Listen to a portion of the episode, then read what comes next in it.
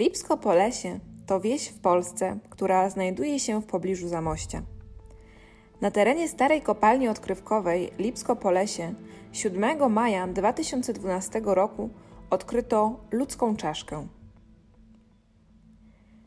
Po zabezpieczeniu czaszki i poddaniu jej badaniom okazało się, że czaszka mogła należeć do dziecka płci męskiej w wieku od 12 do nawet 15 lat. Chłopiec mierzył około 155 cm i ważył około 41 kg. Ujawniono również, że czaszka mogła w ziemi spędzić od 10 do nawet 30 lat. Młody człowiek mógł zginąć między 1982 rokiem a 1992. Po odnalezieniu czaszki y, teren został przeszukany, ponieważ liczono, że trafią na resztę kości. Jednak nie odnaleziono nic więcej. Pomimo wielu starań policji, nie udało się do dziś ustalić, kim był młodzieniec. W 2014 roku specjaliści z Instytutu Ekspertyzy Sądowej w Krakowie postanowili odtworzyć prawdopodobny wygląd chłopca. Niestety, nawet upublicznienie prawdopodobnego wizerunku dziecka nie przyniosło żadnych efektów. Nie zgłosił się nikt, kto rozpoznałby chłopca. W wizerunku zmarłego szukano podobieństwa do zaginionych dzieci na przestrzeni ostatnich 30 lat. DNA zostało porównane m.in. z zaginionym Robertem Iwaniukiem, Mateuszem Żukowskim czy Andrzejem Łowczykowskim. DNA zostało również wrzucone do bazy zaginionych i automatycznie porównane z wszystkimi zaginionymi dziećmi, których DNA znajdowało się w bazie. Jednak 30 lat temu DNA nie zabezpieczało się, więc porównywać można było tylko z zaginionymi z lat 90.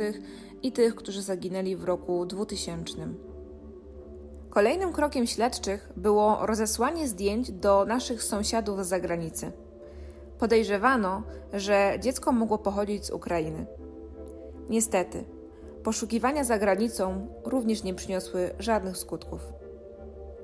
W związku z tym, że o dziecku nie było wiadome kompletnie nic, wysnuło się kilka hipotez. Przedstawię Wam teraz kilka z tych najbardziej prawdopodobnych.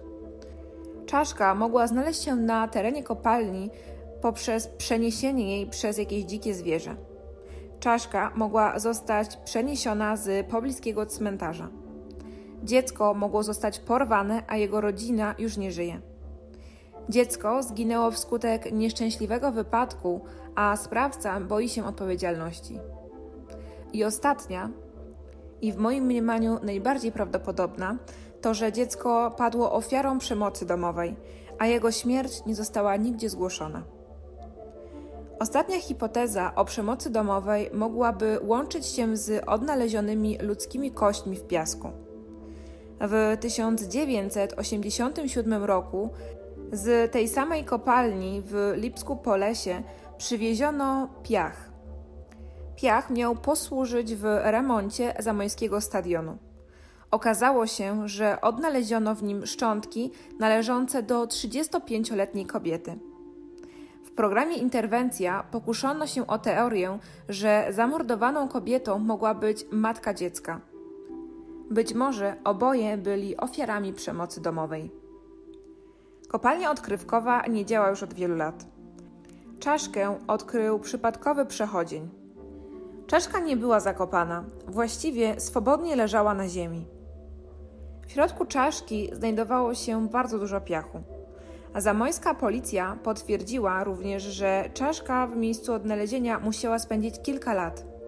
Niemalże naprzeciwko miejsca, w którym ujawniono czaszkę, znajduje się dom mężczyzny, który prawdopodobnie jest właścicielem kawałka ziemi, który to należał do kopalni. Czaszka dziecka i szczątki kobiety miały zostać porównane. Jednak czy do tego doszło, nie mam pojęcia. Ostatnie artykuły, które piszą na ten temat, są z 2014 roku. Możliwe, że badania nie przyniosły żadnych skutków, bowiem zabezpieczenie śladów czy szczątek w 1987 roku znacznie różniło się od dzisiejszych metod.